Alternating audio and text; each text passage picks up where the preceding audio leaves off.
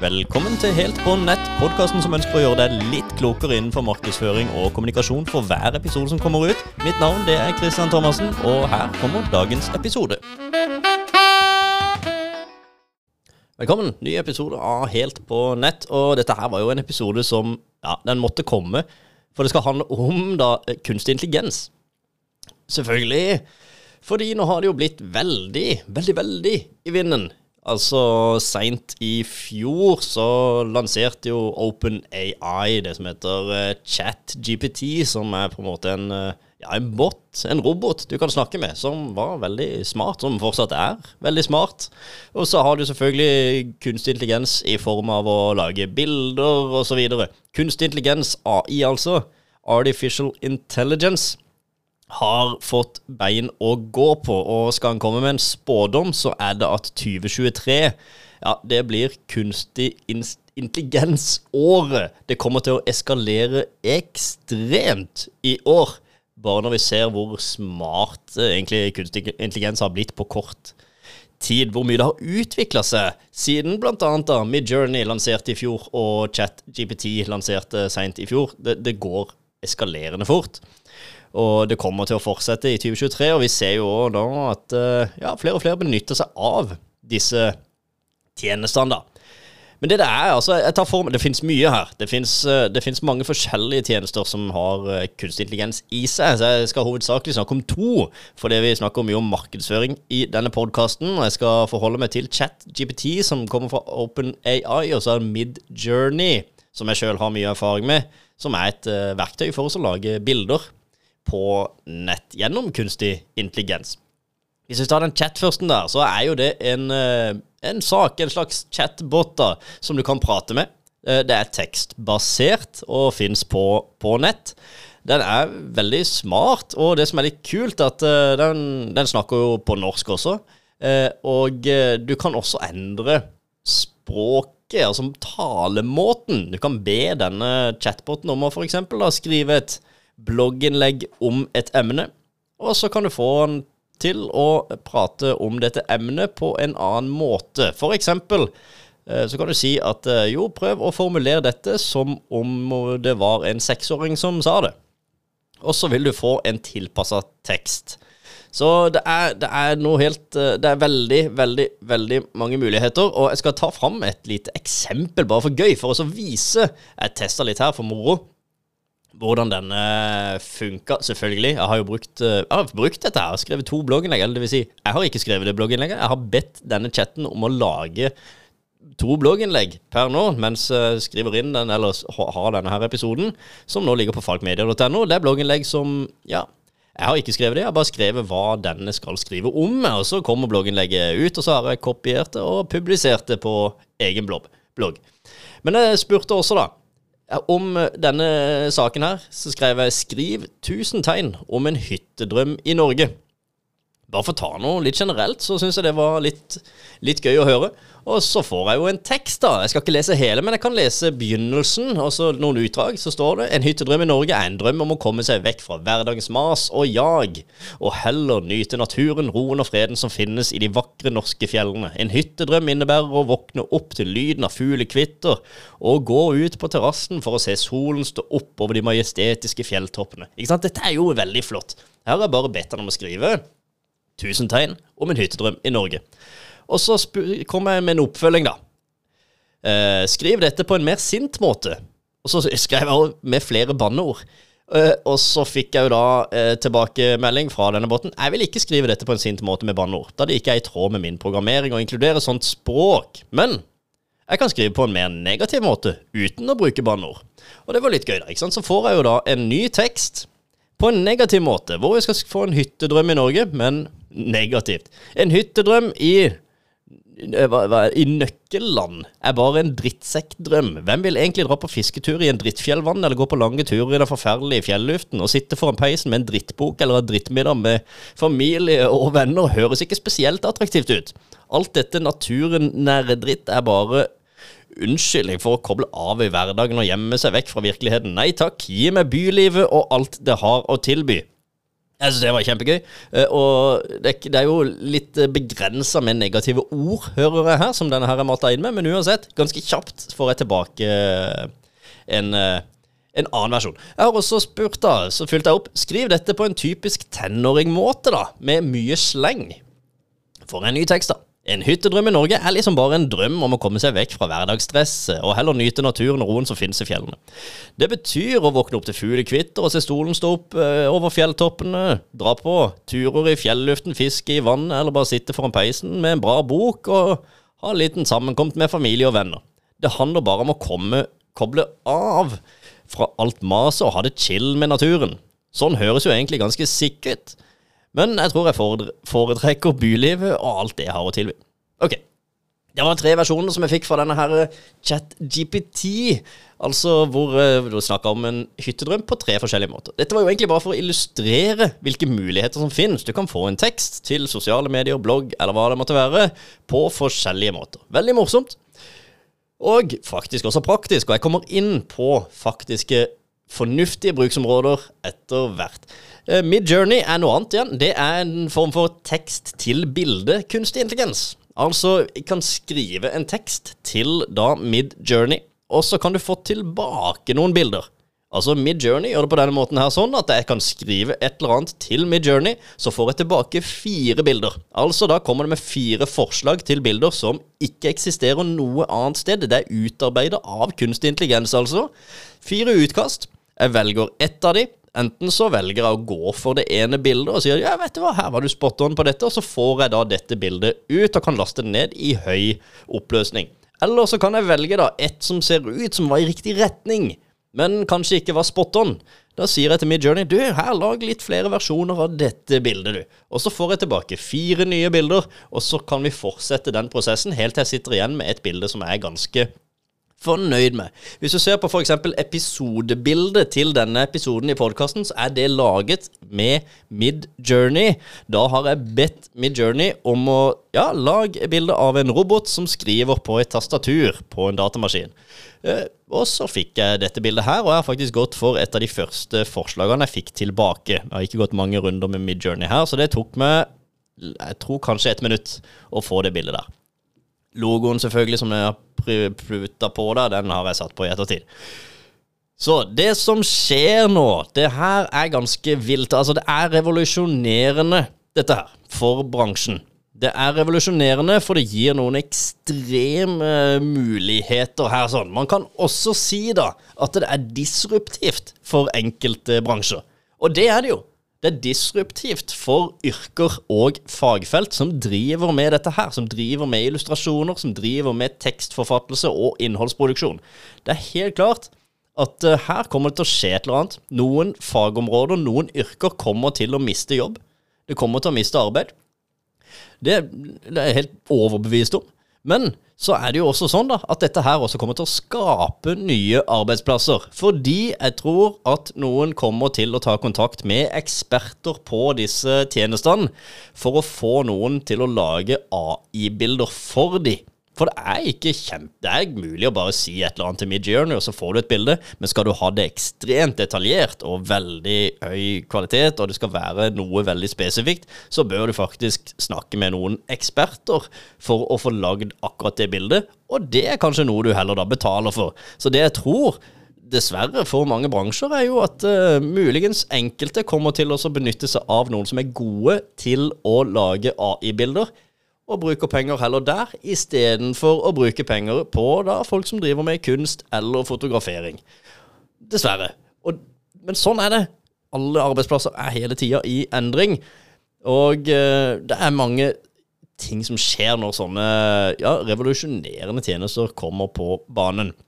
Så har det vært noen spørsmål da når disse her bildene blir lagd av kunstig intelligens. For den må jo hente da et eller annet fra noe sted, og den henter jo da inspirasjon fra andre bilder som finnes på nettet. Altså Hvis du skal, sier til denne her, lag bilde av en robot som taster på et tastatur, så må jo den finne ut hvordan bildet av en robot eksisterer, og så lage sin versjon av dette. Og da er det jo noen som har stilt seg spørsmål, da. Ja, hva med rettigheter og opphavsrett? til dette her sånn. For det noen mener at kunstig intelligensen her kopierer andre kunstnere som har laget et eller annet. Og, og du kan jo faktisk si til Midjourney ta og lag et bilde av en robot som skriver på et tastatur. Så kan du si da til Midjourney ta og gjøre dette bildet om til et typisk Van Gogh-stil. Ja, ok, så gjør han faktisk det, og bildet ser ut som det er fra Van Gogh. Og man må jo se på dette her på forskjellige måter. Uh, her er jo bare min mening, og her kan man jo se mange, ha mange synspunkter, men sånn som jeg ser det, så blir kunstnere inspirert av hverandre hele tida. Men de kopierer ikke hverandre. Og så er det jo da hvem har enerett til en stilart, da? Eller har man enerett til Har man tatt patent på en stil, på en måte å tegne et eller annet på? Det tror jeg ikke. Og eh, ja, arrester meg gjerne hvis jeg tar feil her, altså. Men det er jo litt sånn AI fungerer. Den kopierer jo ikke andres bilder. Den henter inspirasjon fra andres bilder, og lager da egne bilder ut ifra det. Ok, så, så er det jo da Hvilke bruksområder har dette her? Hvordan kan vi få, få, brukt dette her i det hele tatt? Jo, altså selvfølgelig, det her sier seg jo ikke sjøl nødvendigvis, men bruksområdet til da f.eks. tekstproduksjon, chat GPT, som man kan få tekst fra, den kan brukes til å enkelt skrive for noen sosiale medier-innlegg, f.eks. Hvis du vil ha sosiale medier-innlegg om et eller annet emne eller et tema, så kan du rett og slett bare be ChatGPT om å skrive det, så får du da det tilbake. Du kan også be, be, be denne botten om å skrive, skriv fire sosiale medier-innlegg om et emne, og så får du det tilbake. Jeg har sjøl brukt det til å få blogginnlegg, f.eks. Uh, eh, og da skriver jeg gjerne til denne ChatGPT Skriv et blogginnlegg på ca. 2000 tegn. Et og så følger jeg opp, da, når jeg har fått dette blogginnlegget, så skriver jeg til, blogg, til denne botten like etterpå. Skriv en oppsummerende tekst som jeg kan bruke til sosiale medier. Og da får jeg faktisk det tilbake, en kortere tekst med hashtags. Det er jo helt, det er helt rått. Jeg putter på noen hashtags som faktisk er relevante. Det kan være utkast til blogginnlegg hvor du kan bruke dette her. Skriv et blogginnlegg om et emne, så får du noe tilbake, og så kan du gå inn og redigere. Det er jo i mange tilfeller mye lettere å redigere et utgangspunkt enn å starte fra scratch, så her kan man korte ned tida. Du kan få gode tips til hvilke bøker du bør lese. Det kan du jo for så vidt også gjøre med Google. Hvilke bøker bør jeg lese? Men det som er litt kult med denne botten her, sånn, er at eh, man kan skrive Hei, jeg liker denne boka og denne boka og denne boka. Kan du gi meg tips til andre bøker? Send meg gjerne en liste på ti bøker som du vil anbefale meg. Det har jeg gjort sjøl funker strålende, og tipsene jeg får tilbake da, helt superrelevante, som gjør at jeg slipper å gå inn på Google for å finne denne her lista der sånn. Og den vil jo ikke være tilpassa meg, den vil jo være tilpassa den som har skrevet innlegget. Så her får man faktisk helt unike svar fra ChatGPT. Du kan også bruke det til å analysere data, du kan få en tolkning av f.eks. et dukkehjem som jeg sjøl har fått denne her til å jobbe bare for å teste. og brukt dette her masse nå, det er veldig gøy. For, skriv en tolkning av et dukke, så får jeg en veldig fin, en veldig bra tolkning. For så vidt en tolkning som er for god for eh, en eh, ungdomsskoleelev å levere inn. Så det jeg gjorde, bare for å ta den biten der, det var også skrive tilbake, da. Ja, kan du skrive dette som om du var en 16 år gammel jente eller gutt? Så får du faktisk det samme tolkninga men skrevet på en litt annen måte, som faktisk passer bedre til en yngre forfatter. Og nå la jeg også til, da eh, Legg gjerne inn én eller to skrivefeil i teksten.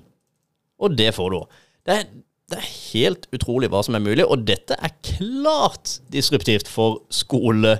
Eh, skolegangen. Altså, det vil si, her, dette her er utfordringer for skolen. For det sitter man på skolebenken nå, så kan man faktisk gjøre hjemmelekser eller gjøre oppgaver, eller hva enn det er for noe, og få svaret Ja, du kan få en tolkning oversendt som er unik, som ikke noen andre har på en måte publisert noe sted. Den er en tolkning som er skrevet av kunstig intelligens. Og du kan få gjort tilpasninger. Bruksområdet for bilder, da det er jo selvfølgelig det er, det er, jo bilder til sosiale medier-innlegg. Det kan være bilde, toppender på sosiale medier, profilen din. Det kan også være bilde til en matmeny. For eksempel da, hvis du har pølser på menyen, men du mangler et godt bilde av en pølse, så kan du be Midjourney om å lage et detaljert bilde av en pølse i brød med ketsjup og sennep oppå. Og så får du rett og slett et bilde som ikke eksisterer noe annet sted, med akkurat det. Du kan ha bilder til annonser, websider, presentasjoner og kunstverk til kontoret osv. osv. Det fine her er jo opphavsretta, fordi da slipper du å Du slipper jo egentlig faktisk å kjøpe dette her.